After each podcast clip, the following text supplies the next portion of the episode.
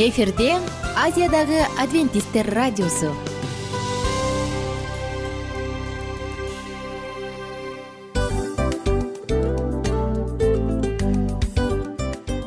Достор салют. Баардык сүйүктүү угармандарыбызга салам айтабыз. Кутман күнүңүздөр менен.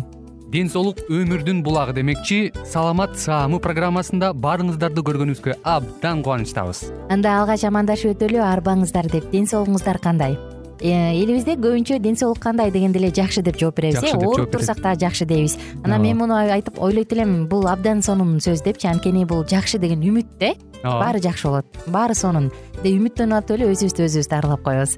Анысы кандай? Сиздин дагы ден соолугуңуз жакшы беш деген үмүттөбүз чындыгында ден соолук бул өмүрдүн булагы деп бекеринен айтылган эмес деп ойлойм. Кыргыз элинде анткени эгерде ден соолук жок болсо анда адамдын жашоосунда калган баардык керектүү маңыздуу нерселер өзүнүн баалуулугун жоготуп коет. Ошондуктан ден соолук бул эң керектүү нерсе. Ооба туура айтасың кесиптешим. Чынында ден соолугуң жок бир эки үч күн ооруп калсаң эле э кандай болуп калат? Жашоодо көз каранды болуп каласың көп нерсеге жетишпей каласың көп нерсени кыла албай каласың жада калса эчке дүкөнгө да чыга албай каласың. Туптуура анан ден соолук болсо демек биз биздин бактыбыз тоодой деп койсок болот. Анда достор саламат рубрикабызды баштайлы. Алдыда өзүңүзгө керектүү болгон сонун кеңештерди уга аласыздар. Мына ошондуктан биз менен бирге болуңуздар. Ал эми биз болсо милан жана айнура. Кеттик алга. Алга саламат саама ден соолуктун жарчысы. Саламат саама ден соолуктун ачкычы. Күн сайын сиз үчүн мыкты кеңештер сонун жаңылыктар кызыктуу фактылар биздин рубрикада.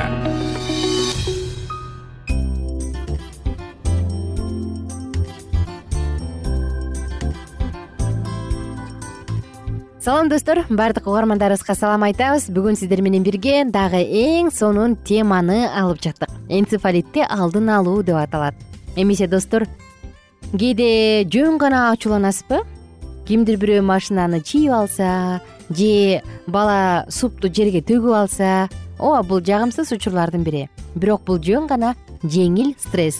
Ал эми чыныгы кутургандык же болбосо кутуруунун вирусу. Адамды чын эле укмуштуу кутурмачылыкка алып келет. Анын алтынан келе турган олуттук кесепеттери дагы жаман жана албетте адамды коркунучтарга сала турган нерсе. Негизи эле достор айта турган болсок бизди көп эле учурда чиркей чагат ит тиштеп алат москит чагат кене жабышат. Айтор карап отурсаң мунун баары тең көп э? Дал ушул учурда энцефалит менен ооруп калбаш үчүн эмне кылыш керек? Бул тууралуу биз бүгүнкү программабызда айтып беребиз. Биз менен бирге болуңуздар. Достор википедия энцефалитке кандай аныктама берет дебейсизби кутурма. Кутурма бул кутурма вирусу аркылуу келе турган өлүмгө алып келчү эң коркунучтуу жугуштуу оору деген аныктама берет. Жыл сайын дүйнөдө элүү беш миң өлөт дал ушул кутурмадан. Көбүнчө бул латин америка африка жана азия өлкөлөрүндө көбүрөөк кездешет. Ал эми америка кошмо штаттарында болсо көпчүлүк ар бир үй жаныбары тең дал ушул энцефалитке каршы вакцинациядан өтүп турат.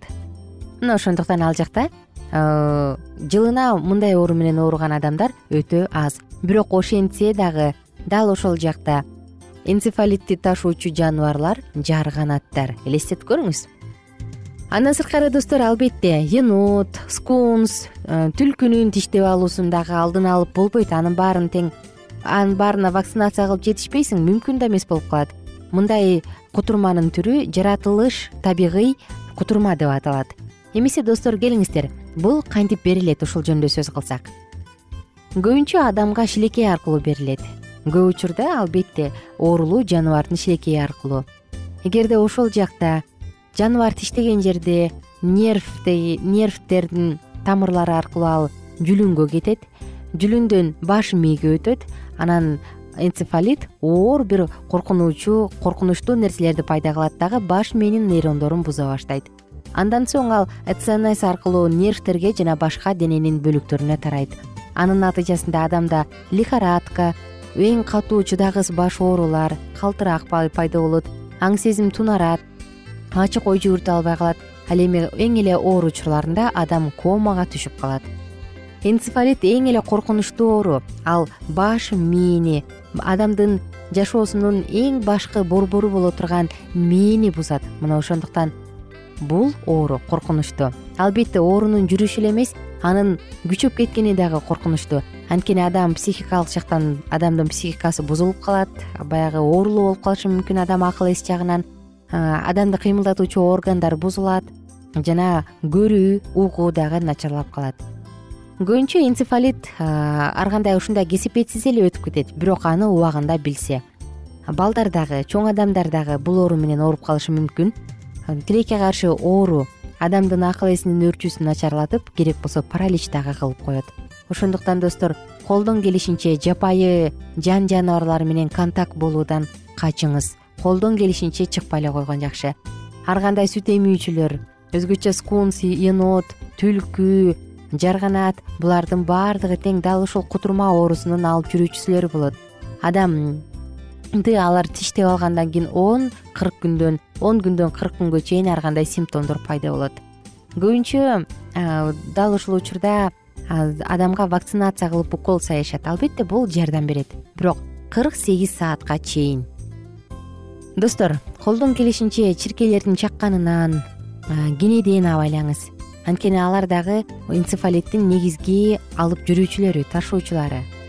Сиз кайсы гана жерде болбоңуз бирок оорулуу чиркейби чымынбы оорулуу кенеби булар дагы бооруп калышы мүмкүн.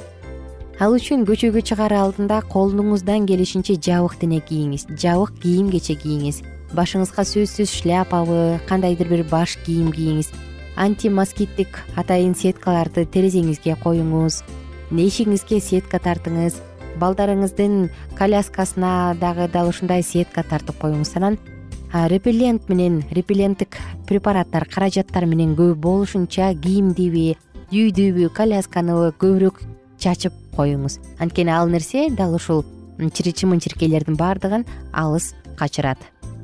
Сыртка чыгаардын алдында бага элеги ичке болгон колуңуздун учтарын кармай турган кийимдерди кийгенге аракет кылыңыз. Анткени ал жактан дагы чымын чиркейлер кирип кетиши мүмкүн. Эмесе достор репелленттик каражаттар эмне десеңиз эфир майлары. Шри ланкада башка өлкөлөрдө эң эле көп кеңири таралган дал ушул репелленттик каражаттар. Албетте ал жакта колдонбосоң болбойт сөзсүз колдонуш керек болот. Бирок бизде дагы достор аны сөзсүз колдонуңуз. Колуңуздан келишинче көбүрөөк колду жууп турганга аракет кылыңыз. Жогоруда айтылган репелленттик майларды колдонгондон кийин сөзсүз түрдө колду жууган жууш керек. Антпесе болбойт анан колдон келишинче көзгө оозго былжыр жерлерге тийбегенге аракет кылыңыз тийгизбегенге. Ал адамды кыжырдантат. Ал эми балдар болсо колуна тийгизбей эле койгон жакшы анткени алар билбей көзүн же оозун сүртүп алат. Достор эгер сиз жаратылышка чыгууну чечсеңиз тоого барууну чечсеңиз анда сөзсүз түрдө жогоруда айтылган репелленттик каражаттарды алыңыз жана коргонуучу кийим кечектерди кийип алганды унутпаңыз. Кокустан денеңизден кенени таап алсаңыз анда аны майлабастан ага эч кандай каражат сүйкөбөстөн дароо эле жип менен буттарын мынтип байлап алыңыз дагы анан ары бери ары бери кылып туруп сүртүп жулуп чыгарып салыңыз. Болбосо кенени билесиз э коркуп кетсе ал ого бетер буттарынын ичине тыга баштайт. Кененин башы калып калса ичке бир нерсе менен атайын чыгарып коюңуз. Эгер колуңуздан келбей жатса дароо медициналык жардамга кайрылыңыз. Бул нерседен дагы абайлаңыз баардык угармандарыбызга кааларыбыз. Ден соолук эч качан сиздин жашооңузга коркунуч туудурган нерселер болбосун жаныңызда жакындарыңыз аман болсун. Сиздер менен кайрадан амандашканча күнүңүздөр көңүлдүү улансын. Саламат саама ден соолуктун жарчысы. Саламат саама ден соолуктун ачкычы. Күн сайын сиз үчүн мыкты кеңештер сонун жаңылыктар кызыктуу фактылар. Биздин рубрикада салют замандаштар баарыңыздарга ысык салам. Дил маек программабызга кош келиңиздер. Дил маек рубрикасы дегенде эле бул эмне болгон дил маек? Ким менен маектешебиз деп сурайт болуш керек угармандарыбыз бул рубриканы кыскача тааныштыра кете турган болсок ар тарап кесип ээлеринен болгон сонун интервью кеңештер бар. Ооба. жылдыздар менен болгон маек бар. Аталарыбыздын агаларыбыздын чоң аталарыбыздан сонун кеңештер бар. Ошондой эле эже сиңдилердин кеңештери бар айтор. Баардык кызыктардын баары алдыда. Негизи эле адам баласы бир кимдир бирөөнө ишенип сырын ачкысы келет эмеспи э мындай баарлашууга жакын келебиз го. Албетте негизи бир жерге отуруп алып кенен шашпай баягы жүрөктөн жүрөккө ачып сырларыбызды ар кандай көйгөйлөрүбүз менен бөлүшүп баягы чын жүрөктөн маек курганды кимибиз сүйбөйбүз э? Ооба десең ал нерсеге суусап да келебиз да. Ооба кээ бирде адамга чындыгында баягы э, ысык маек баягы жылуу маек жетишпейт да. Ошондуктан биз ушул рубриканы ойлоп тапканыбызда эң биринчи эле достор сиздер менен чын жүрөктөн бир маңыздуу темаларды козгоп кеткени э, кааладык. Ошондуктан ушундай сонун бир рубриканы тартуулап жатабыз. Анын үстүнө радио дагы сонун дос да анткени э, мындай учурда досуңа айтсаң досуң досуна айтат досу досуна айтат да анан бүт өлкө билип калышы мүмкүн го. А радио болсо сени сатпаган сенин айыбыңды ачпаган сенин сырыңды эч кимге айтпаган сонун доссуң ошондуктан биздин алдыдагы айта турган кеңештерибизди биздин досторубуздун кеңештерин угуп анан ал жака пикириңизди дагы калтырып кайрадан биз менен байланышсаңыздар болот. Деги эле жашооңузга эгерде кичине болсо дагы өзгөрүү алып моралдык жактан нравовик жактан сонун бир кеңештерди алсаңыз демек биз максатыбызга жеттик. Ооба. Чыңгыз атабыз улуу жазуучу э, чыңгыз айтматов айткандай адам болуу бул күнүмдүк процесс экен. Күн сайын адам бойдон калуу бул адамзатка эң эле кыйын дейт э? э эң кыйын дейт. Чындыгында бунун негизинде адамдын эң баягы сапаттуулугу адамдын э, адамгерчилиги жана көптөгөн керектүү нерселер. Мына ошол темалар дагы бизде э, ушул дил маекте биз аларды да козгойбуз. Э, ден соолук жөнүндө да сүйлөшөбүз. Сөзсүз түрдө. Анан милан мырза негизи айтып коюшат го. Биз көбүнчө эмнени ойлонсок ошол нерсеге карата иш кылабыз го. Ооба. Анан анысы кандай балким бул радио баракчада кимдир бирөөнүн оюн текшергенге жардам берет кимдир бирөөнүн жүрөгүн текшергенге жардам берет. Балким кимдир бирөөгө жашоонун маңызын тапканга жардам берер. Айтор кызыктын баары алдыда бул жөн гана кыскача жарнама анда угармандарыбыздын баардыгын кийинки рубрикабызга чакырабыз. Ал эми кызматта маңдайымда отурган кесиптешим милан жана мен айнура. Анда эмесе биз даярдаган терең терең ойлор менен таанышууга кеттик. Алыс алыс баралык анда эмесе достор биз менен бирге болуңуздар. Алдыда эң кызыктуу маалыматтардын баардыгы бир нече мүнөттөр бою жалгыз гана сизге арналат. Мына ошондуктан жакшы маанай менен угууну каалайбыз. Үн алышканча. Жөнөдүк. Ар түрдүү ардактуу кесип ээлеринен алтын сөздөр жүрөк ачышкан сыр чачышкан сонун маек дил маек рубрикасында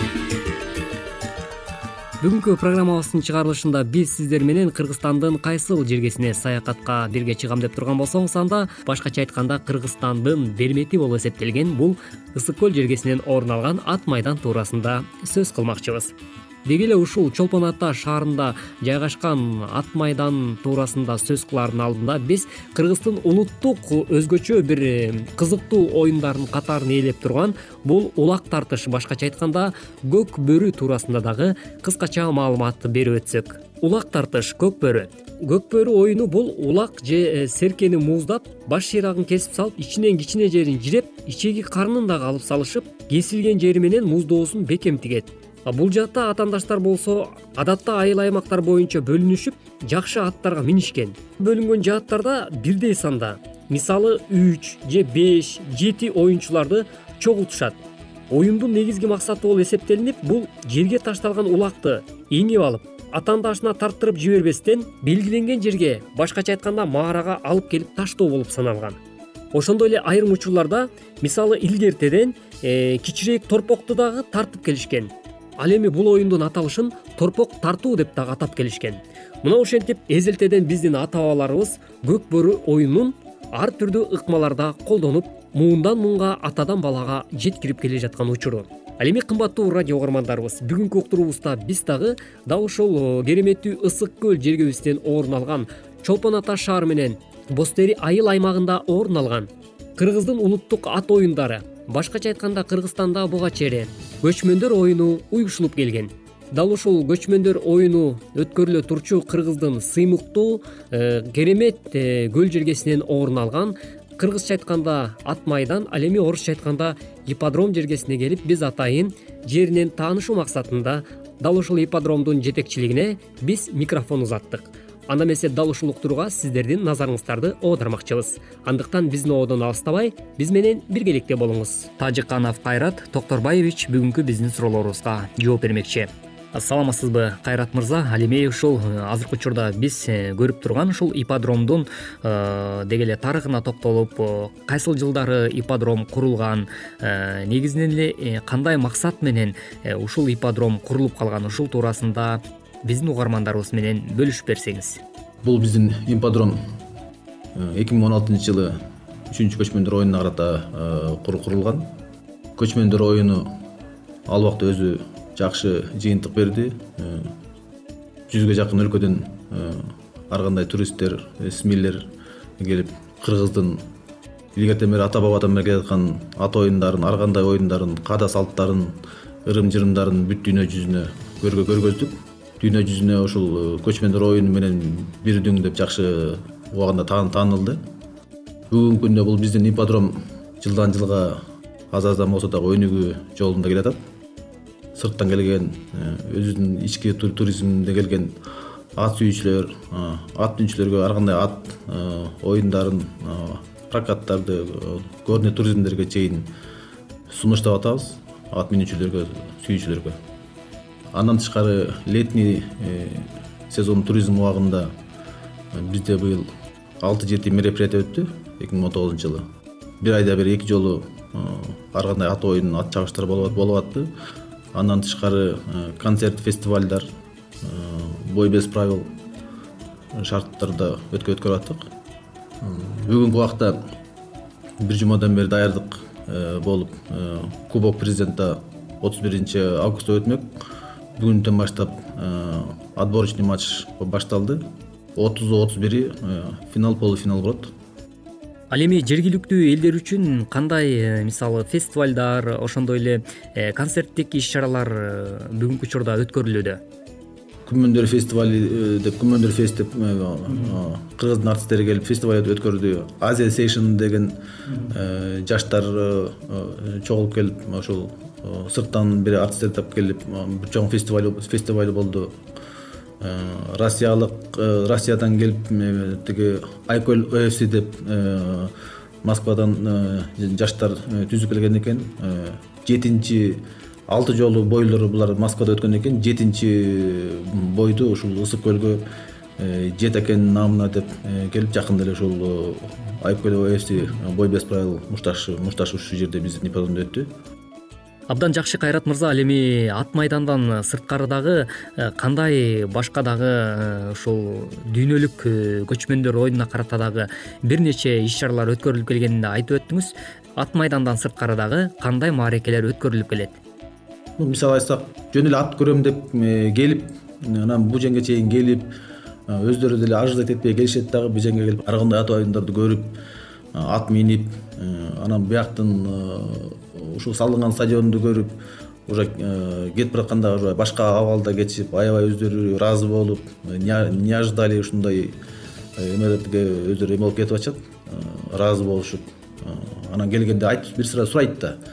Качан салынды эле кандай салынды эле анан бул бул ипподром өзү ушундай французский технология менен салынган бул круг мындай дүйнөлүк эмедеги бүт талаптардын баары колдонулган кругта ушундай аттар чабылат күндө аттар тренировкада жүрөт аны көрүп алып абдан кубанып э, жакшы маанайда кетип атышат да туристтер.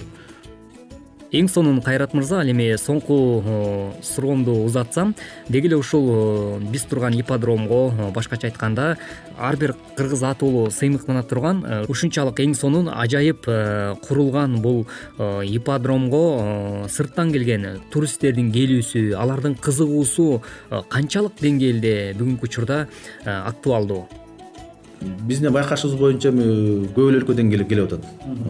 Быйыл кытай өлкөсүнөн арабтар э, келди кореецтер келди. Э, анан мындай деле бирин экин келип кетип аткандар көп. Э, баягы биз менен контакт болбойчу. Баягы сүрөткө түшүп эме кылып сырттан байкап калабыз да. Аябай эле көп келип өздөрүнчө сүрөткө түшүп антип мынтип менен кетип атышат чоң рахмат э, кайрат мырза сиздин дагы иштериңизге албан албан ийгиликтерди каалайбыз. Бизге дагы атайын убакыт бөлгөнүңүз үчүн сизге терең ыраазычылык билгизебиз. Э, ал эми ардактуу радио каармандар ушуну менен бизге бөлүнгөн убакыт дагы өз соңуна келип жетти. Бүгүнкү программабыздын чыгарылышында сиздер кыргызстанга саякат аттуу берүүбүздө э, дал ушул чолпон ата шаарында орун алган ат майдан туурасында уга алдыңыздар бүгүнкү уктуруубузга назар салганыңыздар үчүн чоң рахмат кийинки берүүбүздөн биз сиздер менен кайрадан эле дал ушул аба толкундан үн алышат сак саламатта болуңуздар. Ар түрдүү ардактуу кесип ээлеринен алтын сөздөр жүрөк ачышкан сыр чачышкан сонун маек дил маек рубрикасында.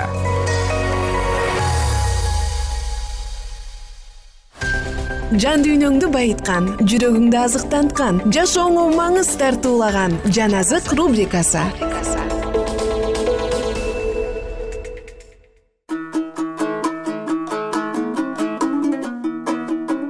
кутмандуу күнүңүздөр менен достор. Баарыңыздарды биздин уктуруубузга кош келиңиздер деп чакырабыз. Жана сиздер менен бирге улуу күрөш китебин улантабыз. Байыркы жана жаңы осуяттардын күбөлөндүрүүлөрүн чындык катары кабыл албай.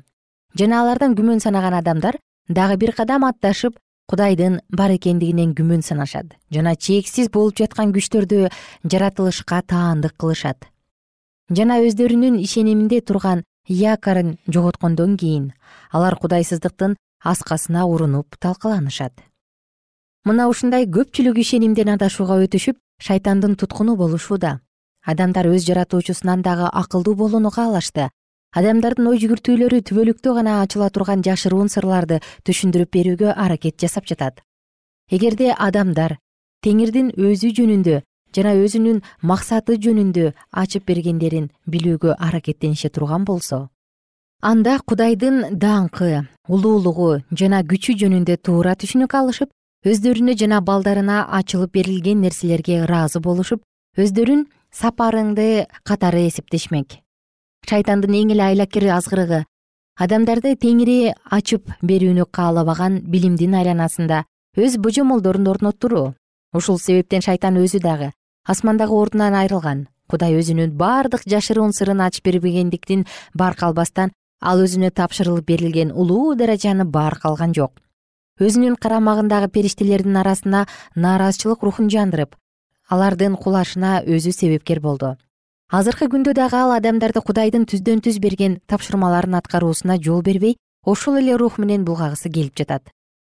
Ким ыйык жазуунун эки жүздүүлүгү жок ачык чындыктарын кабыл алууну каалабаса анда ар дайым өзүнө жагымдуу тамсилдерди чыгарышып ошону менен өз айыптаган абийирин жапкысы келет.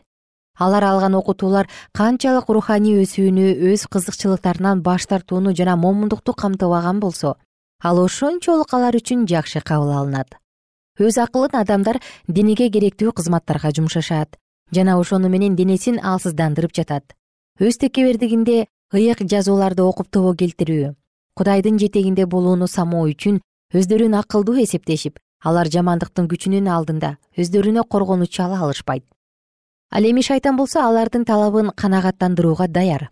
Кырдаалдан пайдаланып аларга чындыктын ордуна жалгандык сунуш кылат. Папанын жактоочулары дагы мына ушундайча адамдардын аң сезимдерине бийлик кылышкан.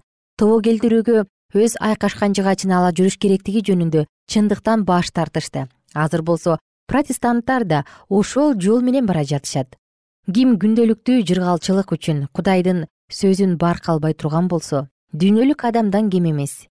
Жана ал коркунучтуу жалгандыктарды дагы кабыл алууга даяр. Ким өз эрки менен чындыктан баш тарта турган болсо ар кандай адашууларга бет алып кадам таштайт. Элчи павыл мындай деп айткан. Себеби алар өзүн куткара турган чындыкты сүйүүдөн баш тартышты ошондуктан алар жалган нерселерге ишенсин деп кудай аларга алдоочу кубат аракет жиберет. Чындыкка ишенбегендер бирок адилетсиздикти сүйүүчүлөрдүн бардыгы айыпталышсын деп жазылган экинчи тессалоникалыктар экинчи бап онунчу он экинчи аяттарда. Ушул эскертүүлөрдү эсибизден чыгарбастан тегил же бул окутууларды кабыл алууда өтө аяр бололу. Алдамчынын өтө күчтүү азгырууларынын ичинде жалган окутуулар жана өлгөн адамдар менен сүйлөшүүлөр бар. Жарыктын периштесинин түрүн кабыл алуу менен азгырык адамдар кабатыр болуп ойлонбогон жерлерге өз торун жаят. Эгерде адамдар сыйынуу менен үзгүлтүксүз кудайдын сөздөрүн окуй турган болсо анда алар караңгыда калып жалган окутууларга берилишмек эмес. Бирок чындыктан баш тартуу менен алар жалгандыктын курмандыгы болуп калууда дагы башка коркунучтуу адашууга машаяктын кудайдын рухуна таандык экендигин жана анын жерге келгенден мурда эле бар болгондугун жокко чыгаруу болуп эсептелет. Ушул окутууларды кудайдын сөздөрүнө ишенип жатабыз деген адамдар кабыл алып жатышат. Бул болсо биздин куткаруучубуздун өзү ачык айткан ата менен тыкыз байланышын жана анын болгондугун кудайга таандык экендигин жокко чыгарат бул окутууларды кудай сөзүн чын ниетинен бузууну каалаган адамдар гана кабыл алышат. Бул адамдар алдында куткарып алуучу курмандыкты басырынтып эле тим болбостон дагы мукадасты кудайдын аяндары экендигинен ишенимди кайтарат. Ошондуктан бул окутуулар өтө коркунучтуу кабыл алууга татыксыз. Качан адамдар кудай сөзүнүн күбөлөндүрүүлөрүн жана машаяктын кудайга таандык экендигин жөнүндөгү чындыктарын кабыл алуудан баш тарта турган болсо аларды ишендирүү мүмкүн эмес. Таандык далилдер дагы ал адамдарга жардам бере албайт. Денеге таандык адам кудайдын рухунан болгондорду кабыл албайт. Анткени ал аларды акылсыздык деп эсептейт. Ал муну түшүнө албайт. Анткени бул жөнүндө рухийде талкуулаш керек. Биринчи корунтуктар экинчи бап он төртүнчү аятта дал ушундай сөздөр жазылган. Бул адашууну жактаган бир дагы киши машаяктын иши жана мүнөзү же кудайдын улуу куткаруу планы жөнүндө ой жүгүртө албайт дагы бир наадан жагымсыз жана бет таратылып кетүүчү адашуу бар. Бат таратылат. Көпчүлүк адамдар шайтан чындыгында жок ал эми ыйык жазууларда анын аты адамдардын жаман иштери жана ойлорун билдирүүчү үчүн гана айтылат дешет. Дагы машаяктын экинчи келиши бул анын ар бир адамга ал өлгөндөн кийин көрүнгөн учуру деп ой жүгүрткөндөр дагы кездешет. Бул жалгандык анын асман булуттарынын арасында келе жаткандыгын күтүп жаткандарды ойгу тойгу ойго салып аларды алакты кылат. Көптөгөн кылымдар аралыгында шайтан мына ал жашыруун бөлмөлөрдө деп шыбырап келет. Жана бул сөздөргө азгырылуу менен көптөгөн адамдар дүйнөдөн кайтышкан. Адамдардын даанышмандыгы сыйынуунун анчалык деле зарылдыгы жок деп окутуп келет. Окумуштуулар сыйынган сыйынууларга эч кандай деле таң каларлык керемет болгондой жооп болгон эмес керемет деген жок. Эгерде ал болсо табият мыйзамы бузулмак деп далилдешет.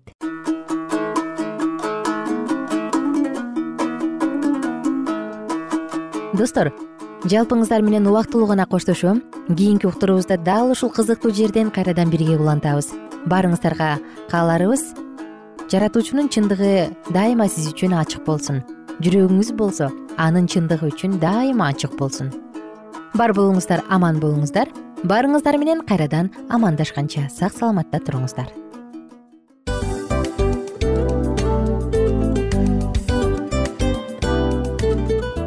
Ушул менен достор программабыздын уктуруубуздун эң кайгылуу мөөнөтүнө келип жеттик.